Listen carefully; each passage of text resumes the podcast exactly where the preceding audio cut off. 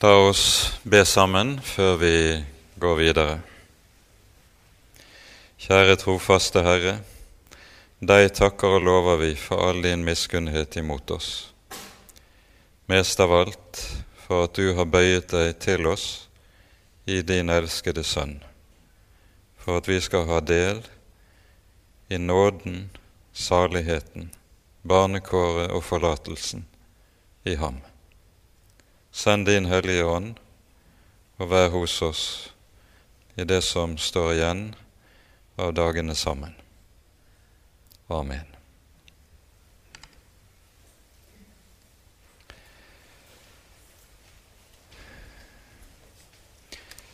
I en sammenheng i det som vi har vært inne i disse dagene, så skriver Luther følgende Skriften er ikke for akademikere og for sofister, men for anfektede syndere.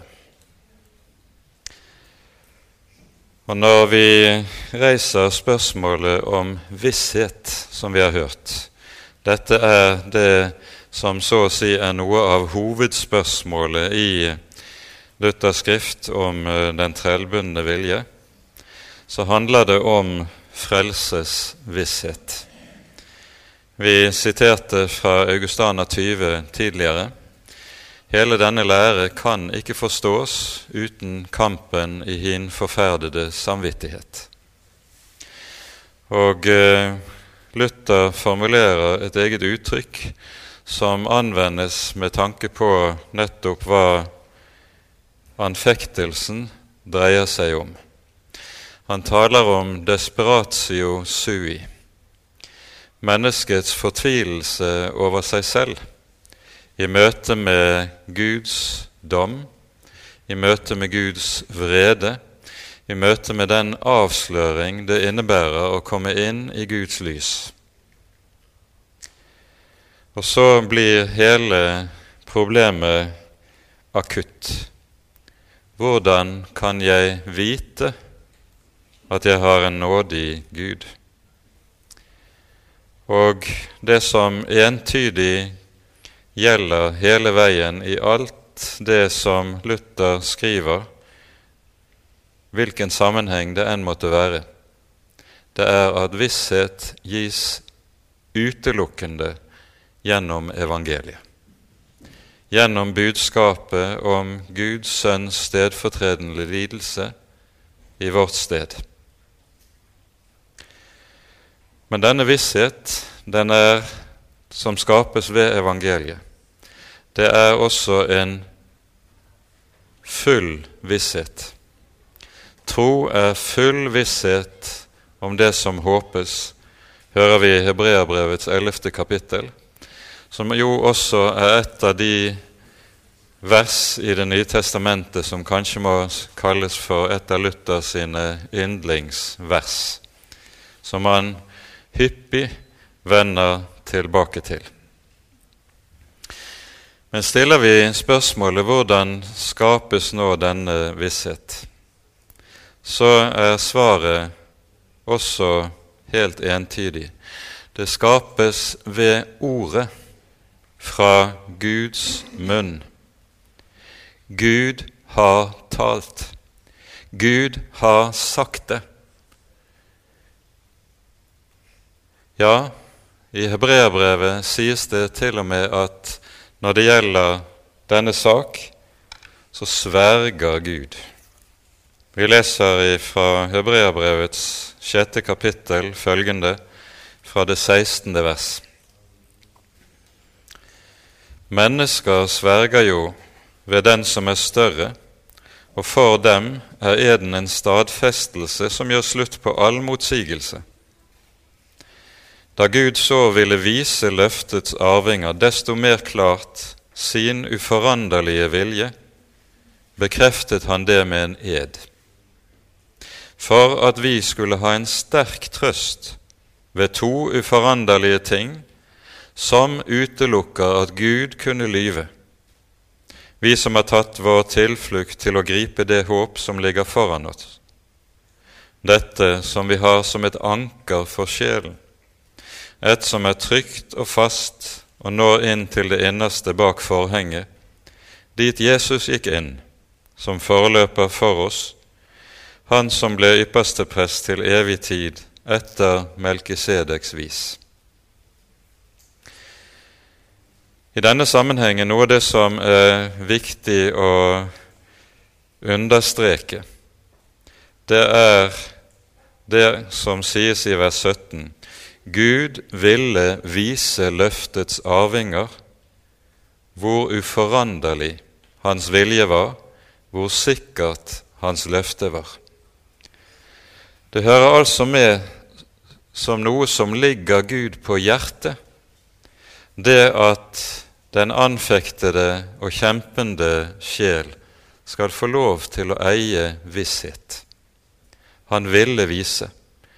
Og ved to uforanderlige ting vil han demonstrere det, og så avlegger han altså ed.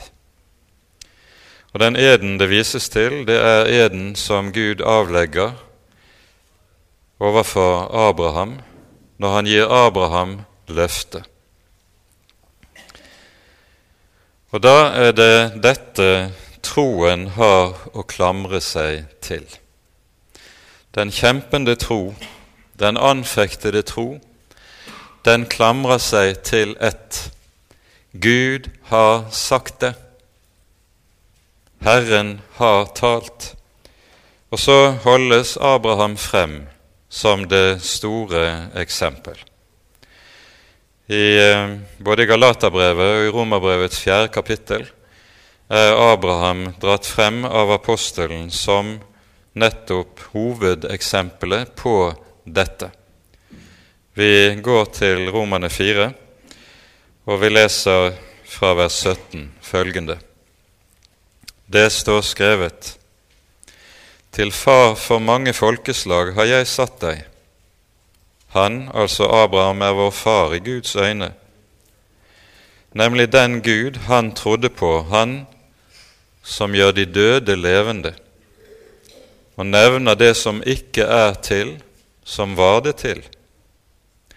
Mot håp trodde Abraham med håp for at han skulle bli mange folks far, etter det som var sagt, slik skal din ett bli. Uten å bli svak i troen tenkte han på sitt eget legeme, som alt var utlevd. Han var jo snart hundre år. Og på Saras utdødde mors liv. På Guds løfte tvilte han ikke i vantro, men ble sterk i troen i det han ga Gud æren, og han var fullt viss på at det Gud hadde lovt, det var han òg mektig til å gjøre. Derfor ble det også regnet ham til rettferdighet. Her hører vi om en tro som har dette som sitt kjennetegn. Den klynger seg til, den tviholder på et løfte. Og det at troen kan stole på dette løftet, henger sammen med han som har gitt løftet, han er til å stole på. Og Paulus bruker noen særlige uttrykk i eh, disse versene. Det står 'mot håp trodde han med håp'. Det betyr, om vi skulle omskrive det litt i vårt språk, hinsides ethvert håp trodde han likevel med håp. Hvorfor var Abraham hinsides ethvert håp? Han var 100 år gammel. Han var fysisk ute av stand til å avle barn, like som også hans hustru var det. Han var hinsides ethvert håp. Det var umulig, menneskelig talt, at Guds løfte kunne oppfylles. Og så står det dog i møte med dette Uten å bli svak i troen tenkte han på sitt eget legeme, som allerede var utlevd. Han var jo snart 100 år, og han så på Saras mors, utdøde mors liv. På Guds løfte tvilte han ikke i vantro.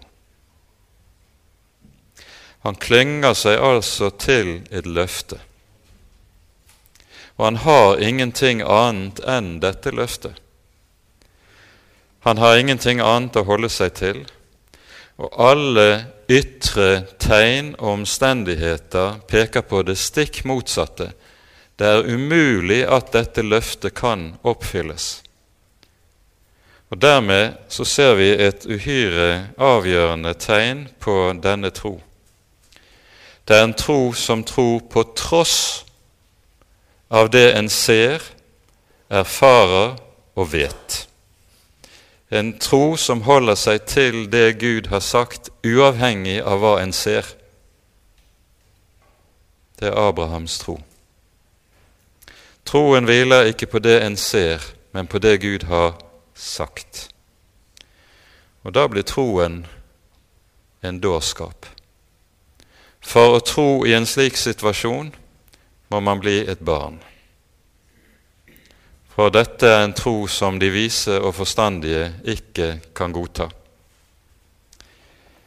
Men her er det altså beretningen om Abraham på en særlig måte understreker betydningen av dette med løftet. Når vi hører om Isaks fødsel i Første Mosebok 21, så står det slik i de to første versene. Herren så til Sara, slik han hadde sagt. Herren gjorde med Sara, slik han hadde lovt. Sara ble med barn og fødte Abraham en sønn i hans høye alderdom, til fastsatt tid, som Gud hadde talt til han om. Legg merke til tre ganger i disse to versene så understrekes det 'som Gud hadde sagt', 'som Gud hadde lovet', i henhold til det Gud hadde talt om. Herren gir et løfte, og han står selv inne for at dette løftet blir holdt. Og det er ikke tilfeldig at det nettopp i denne sammenheng, når Abraham gjestes av Herren året før, slik vi hører det i Første Mosebok 18, så lyder for første gang i Bibelen disse ordene Skulle noe være for vanskelig for Herren? Ord som lyder tilsvarende på ny i forbindelse med Kristi fødsel av jomfruen, der det sies uttrykkelig ingenting er umulig for Gud. Og det er dette som kjennetegner den rettferdiggjørende tro. Den tro på Kristi rettferdighet, trass i alt det en ser og vet om seg selv, slik Paulus sier det i Romerbrevets åttende kapittel, der det står 'det som var umulig for loven' fordi den var maktesløs på grunn av kjødet. Det gjorde Gud. Hva er det som er umulig for loven? Det er at jeg kan være en kristen på grunn av det jeg er i meg selv. Ut fra egne forutsetninger, ut fra alt det jeg er i meg selv, er det umulig at jeg kan være et Guds barn.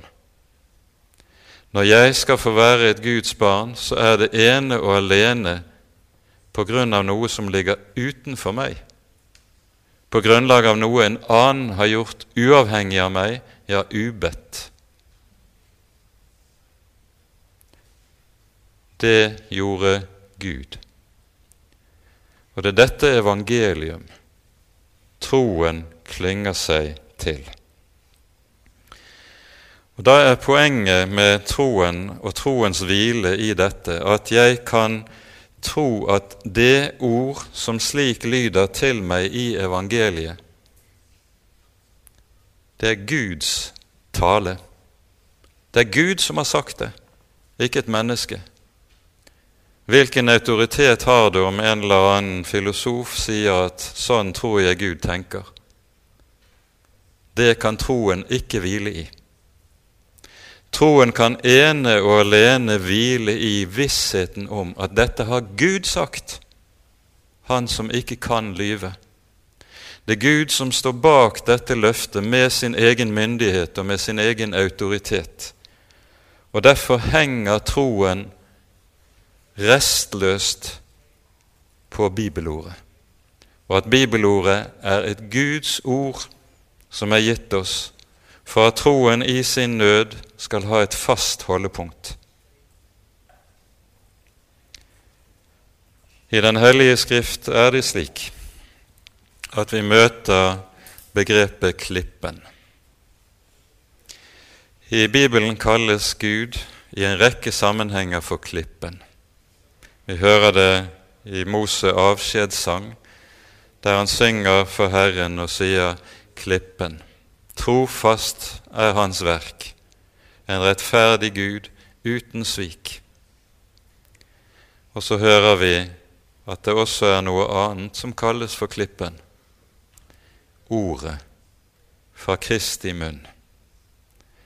Det er også en klippegrunn som ikke kan rokkes, som ikke sviker og som ikke svikter, og som derfor troen kan ha som et fast grunn under bena.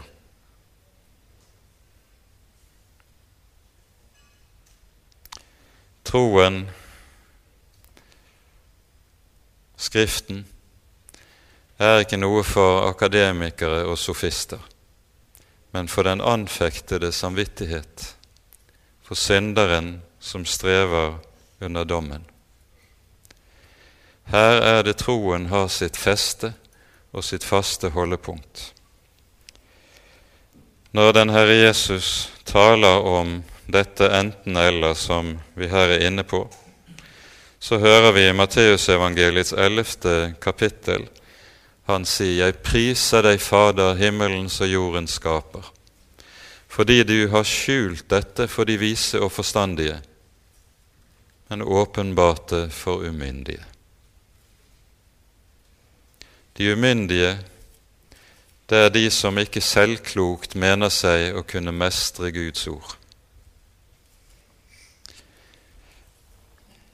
Erasmus reagerer på Luthers klare og bestemte trosutsagn. Han har en helt annen tilnærming til teologien enn det Luther har. Erasmus har aldri vært inne i anfektelsen. Han sitter der ved sitt skrivebord og mener at som eh, en troverdig akademiker så bør man eh, fornuftig ha en viss distanse til materien man skal behandle. Avveie argumenter mot hverandre. Og så vitner altfor stor sikkerhet i den akademiske diskusjonen om mest om hovmot, dårlig akademisk dannelse, og at eh, debattanten både er usaklig og useriøs. Erasmus har aldeles ikke sans for Luthers veldig klare trosutsagn og bekjennelsesutsagn. Han viker tilbake for det. Han vil helst ha en distansert og sindig debatt der ingen sier for mye med bestemthet. Sammen med ham hevder den romerske kirke at troen verken kan eller skal ha visshet. Det læres uttrykkelig også under avgjørelsene på Tridentina-konsilet at det den lutherske kirke kaller for frelsesvisshet, det er snarere et bevis på selvsikkerhet og hovmot. For poenget her er at en skal være usikker på sin frelse, fordi denne usikkerhet vil være med som en spore til å gjøre alvor av streben etter fromhet og Guds liv. Luther har en egen betegnelse på dette, dette at troen skal være uviss. Han kaller det monstrum incertitudinis usikkerhetens monster eller uhyre. Og dette monstrum, som han altså kaller, det er noe som han selv kjenner altfor godt fra sin egen erfaring, fra sin egen troskamp i møte med den vrede Gud. Og han svarer Erasmus med sterke ord. Troen den er nettopp kjennetegnet av de klare, de frimodige og de bestemte utsagn.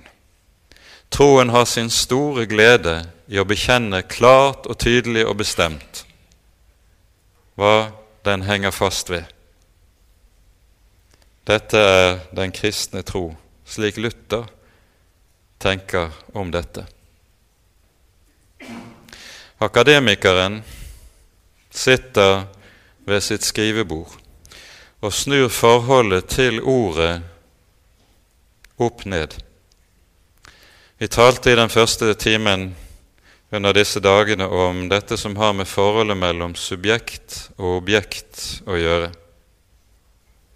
Akademikeren står her overfor ordet som et subjekt som behandler ordet som et objekt som han kan håndtere, som han kan sjonglere med. Og Nettopp her snur han hele saken på hodet. Fordi i forholdet til Guds ord så er saken den at det er ordet som er subjekt, og jeg er gjenstand for, jeg er objekt for ordets virken i meg og hos meg og i mitt hjerte. Der ordet får lov til å være Guds ord, der er det ordet som bedømmer meg, ikke jeg som bedømmer ordet. Det er ordet som behandler meg og handler med meg, ikke omvendt. Det er ordet som forstår meg og tolker mitt liv, ikke omvendt. Det er ordet som tar meg til fange og rekker meg troen, freden og frimodigheten i evangeliet.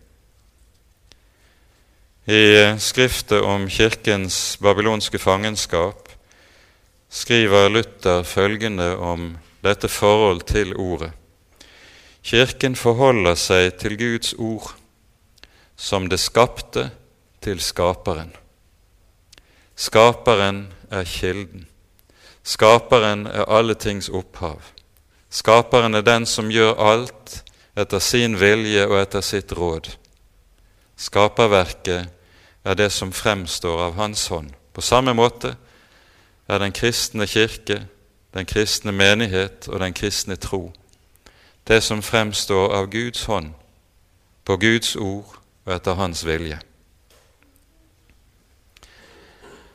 Noe av dette var uh, Nestingen inne på i forrige time. For det det her handler om og dreier seg om, det er troen på Guds ords egen virkekraft. En sannhet som understrekes med stor styrke i en rekke sammenhenger i Skriften selv. Paulus skriver til, eh, i første Tessalonikerbrev til eh, tessalonikerne om hva de erfarte da evangeliet kom til dem. Han skriver slik i kapittel 2 i det 13. verset. Han sier, Vi takker alltid Gud for dette.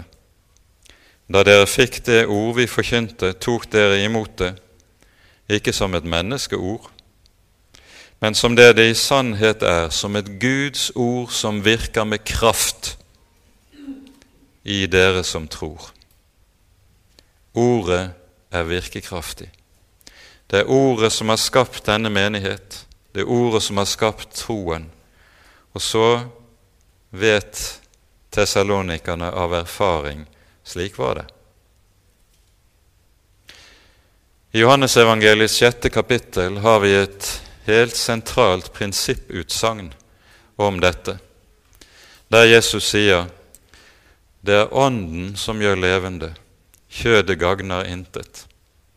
De ord jeg har talt til dere, er ånd og er liv. Og Det som er viktig da å legge merke til, er nettopp den nøyaktige ordlyd. Jesus sier ikke her at de ord jeg har talt til dere, handler om ånd og liv. Nei, han sier at ordene er ånd og er liv, hvilket betyr Ordet er i seg selv bærer av det evige liv, slik at den som hører det, tar imot det og tar det til seg, han får del i det liv som ligger i ordet selv. Ordet er ånd. Det vil si, det er bærer av Den hellige ånd, slik at den som tar til seg dette ord, han får også del i Den hellige ånds gave. Vi har lett for å tenke om forholdet til Bibelen sånn at jeg lever, bibelordet er dødt, og så må det være opp til meg som predikant å skulle levendegjøre ordet. Hvor vrangt kan det bli? Det er jo motsatt. Ordet er levende, jeg er død. Det er Bibelens måte å tenke om dette på. Og så er det ordet som gjør oss levende, der det får lyde sant og rett. Og så skaper Ånden det han nevner. Så kommer Den hellige ånd da, i og med dette ord, der det lyder. Og Derfor er det Paulus også kan skrive sånn som han gjør i innledningen til romerbrevet. Evangeliet er en Guds kraft til frelse. Kraften til frelse ligger ikke i vårt bryst, ligger ikke i vår arm, ligger ikke i vår forstand, men det ligger i et budskap som lyder til oss. Budskapet i evangeliet, budskapet om Guds sønn og hans gjerning, som bæres til oss av Guds hellige ånd. Der er kraften til frelse. Og Derfor kommer troen av hørelsen, ikke av noe annet. Av hørelsen. Vi kunne kanskje også i parentes her bemerke om dette at denne måten å tenke om forholdet til Guds ord på, det bryter også med vår normale måte å tenke om forholdet mellom teori og praksis. Når vi leser en bok, når vi går på skolen og leser pensum og skal tilregne oss kunnskap, så tenker vi som så at nå tilegner vi en oss en teoretisk kunnskap som vi så i tidens fylde, skal omsette i praksis i ulike slags arbeid som vi skal inn i. Slik er det også lett å tenke om Den hellige skrift. Jeg leser, tilegner meg en teoretisk kunnskap som jeg så skal omsette i praksis. Da behandler jeg Bibelen som om den blått og bart inneholdt informasjon, som jeg så skal omsette i handling. Bibelen tenker annerledes. Bibelordet fordi det er Guds ord, det er Guds praksis. Det er det jeg som så å si er den passive part, og det er den levende Gud. Når Han lar sitt ord lyde til oss, så handler Han med oss. Når Gud vil ha noe gjort, så taler Han. Og Derfor ser vi også i Skriften at Guds ord og Guds gjerning de settes ofte ved siden av hverandre som synonymer. Det hebraiske ordet 'davar', som vanligvis i Skriften omsettes med ord, det betyr også handling. Det har denne dobbelthet i seg, som nettopp griper det som vi her er inne i.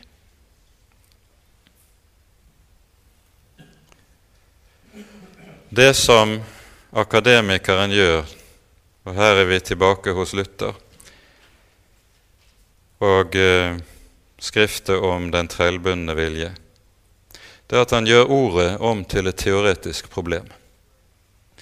Ordet må tolkes fordi det er uklart, og ettersom det er uklart, så kan det heller ikke gi noe menneske noen sikkerhet eller noen visshet. For at et menneske skal få visshet, så må det jo være noe som er tydelig og klart. Men et av Erasmus sine hovedargumenter i hans diatribe, det er nettopp at Guds ord er uklart. Derfor kan ikke vanlige kristne mennesker, kanskje heller ikke engang teologene, forstå hva, fullt ut hva det er som det dreier seg om. Ergo må man ha en autoritet utenom, i tillegg til eller over ordet som kan tolke det på autoritativt vis, slik at man kan vite hvor man skal gå, hva man skal tenke, hva man skal tro. Dermed får du i realitet Og Erasmus plederer jo da for at eh, denne overordnede autoritet som har fullmakt til å utlegge det uklare Guds ord, det er paven. Han er Kristi stedfortreder som skal gjøre Skriften klar. I møte med dette så tenker jo Luther stikk motsatt. Han har to svar på påstanden om den uklare Bibel. For det første svarer han Gud er ingen tåkefyrste som taler ullent og ubegripelig. Her har han to yndlingsvers fra Salmenes bok. Vi skal kanskje ta oss tid til å lese dem. Først Salme 119, eh, vers 105, der vi leser Ditt ord er en lykt for min fot og et lys for min sti. Og så Salme 18, vers 29, som han også gjerne vender tilbake til, der det står Du lar min lampe skinne, Herren min Gud, opplyser mitt mørke. For hvis Guds ord er uklart, hvilken visshet kan da troen ha? Og Luther sier det hører til Guds ære at han vet å tale klart, tydelig og begripelig. Er Skriften uklar og vanskelig å tolke, blir dette i realiteten et dødelig slag mot selve skriftprinsippet, det som rommes i slagordet 'sola scriptura'. Når dette ord nemlig lyder som et slagord, så tenkes det hos Luther på det vis at Skriften er eh, primum principum. Det er et uttrykk han bruker hentet fra filosofien, og innebærer at Den hellige skrift har aksiomatisk karakter for troen. Og Så sier Luther om forholdet mellom Skriften og uh, dette som har med tolkningsproblematikken å gjøre. Guds ord er et lys for alle mennesker. Mennesket skal ikke være lys for Guds ord, og kan det heller ikke. I og med at Luther fremholder dette, så fører det også med seg at ordene sola scriptura, Skriften alene som autoritet, det kommer til å bli et kirkekritisk prinsipp. Det som jo eh, Luther stadig møtes med i det han legger frem evangeliet om rettferdiggjørelsen, det er at Kirken sier, kirkemøtene sier, hvordan kan du ene mann påstå at du har rett, når alle kirkemøter og paver og konsiler har sagt noe annet? Og Luther svarer Skriften sier. Og Skriften er overordnet alle kirkemøter, alle kirkelige dignitærer og autoriteter. Skriften er den eneste og endelige autoritet.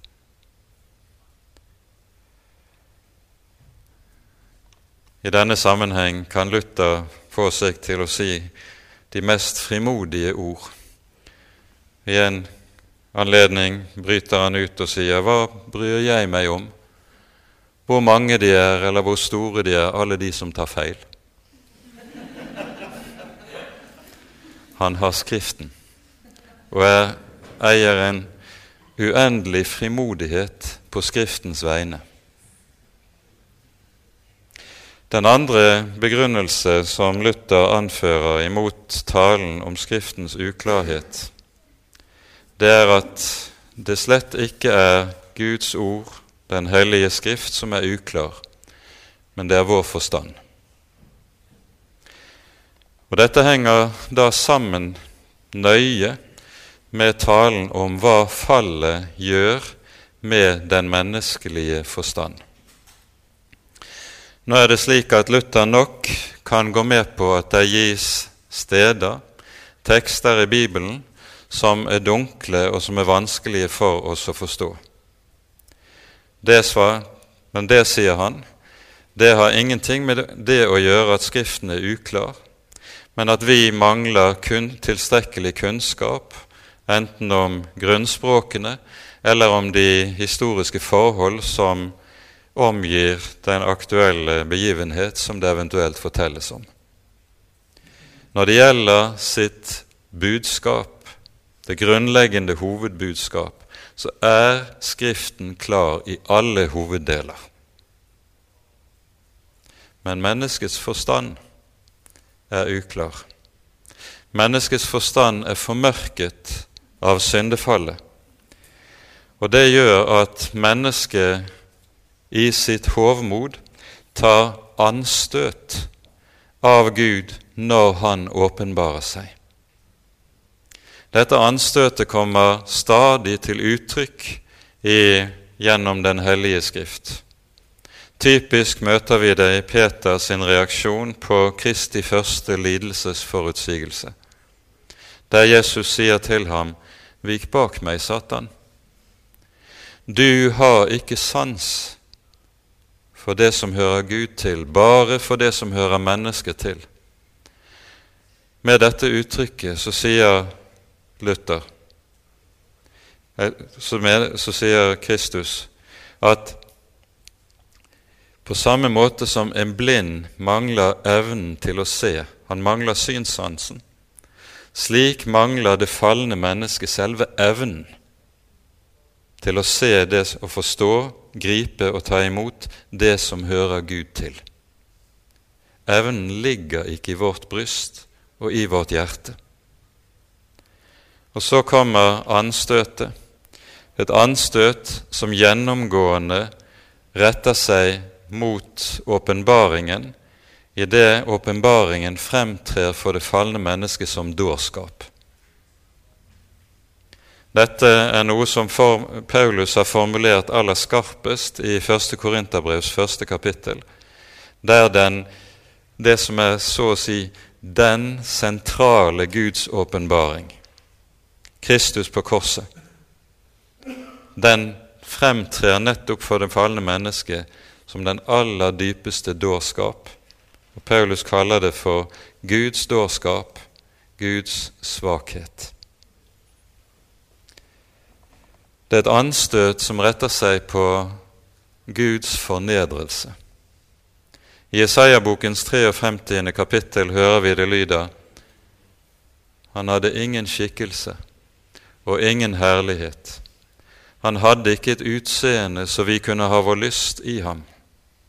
Foraktet var han og forlatt av mennesker, som en som vi skjuler vårt åsyn for. Foraktet var han, og vi aktet han for intet. Når Gud åpenbarer seg, så tenker det falne mennesket vi må ha en annen Gud. Ikke en Gud som kommer i fattigdom, i fornedrelse, i lidelse og i smerte. Når Gud åpenbarer seg i sitt ord, så lyder det dette er for enfoldig. Dette er for smått. Man kan ikke tro på slikt.